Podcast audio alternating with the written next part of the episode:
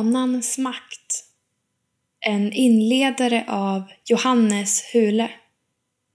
Jag har märkt att jag ofta styrs mer av mina vanor och det jag övat in än mina tankar och beslut. Jag glömmer nästan aldrig en kvällsandakt, men om jag skjuter upp den till morgonen efter kommer jag nästan aldrig ihåg den. Ibland avsätter jag mobilfri tid, men brukar upptäcka att jag rätt snabbt, utan att ha tänkt på det, plötsligt scrollar Instagram. Efter att jag gift mig tog det, till viss irritation från min fru, lång tid för mig att lära mig stänga köksskåpen. Men nu glömmer jag det aldrig.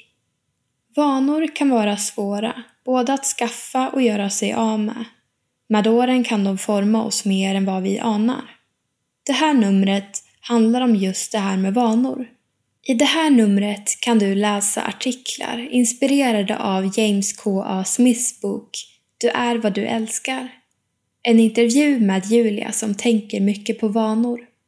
Artiklar om saker som vi i kyrkan har för vana att göra. Och en artikel om bibelfiguren Daniel och hans vanor. Om du är en människa, precis som jag, är detta något för dig. Bön. Öppna mina ögon så jag ser mitt liv med din blick. Gud, forma mina former till att forma mig att älska dig.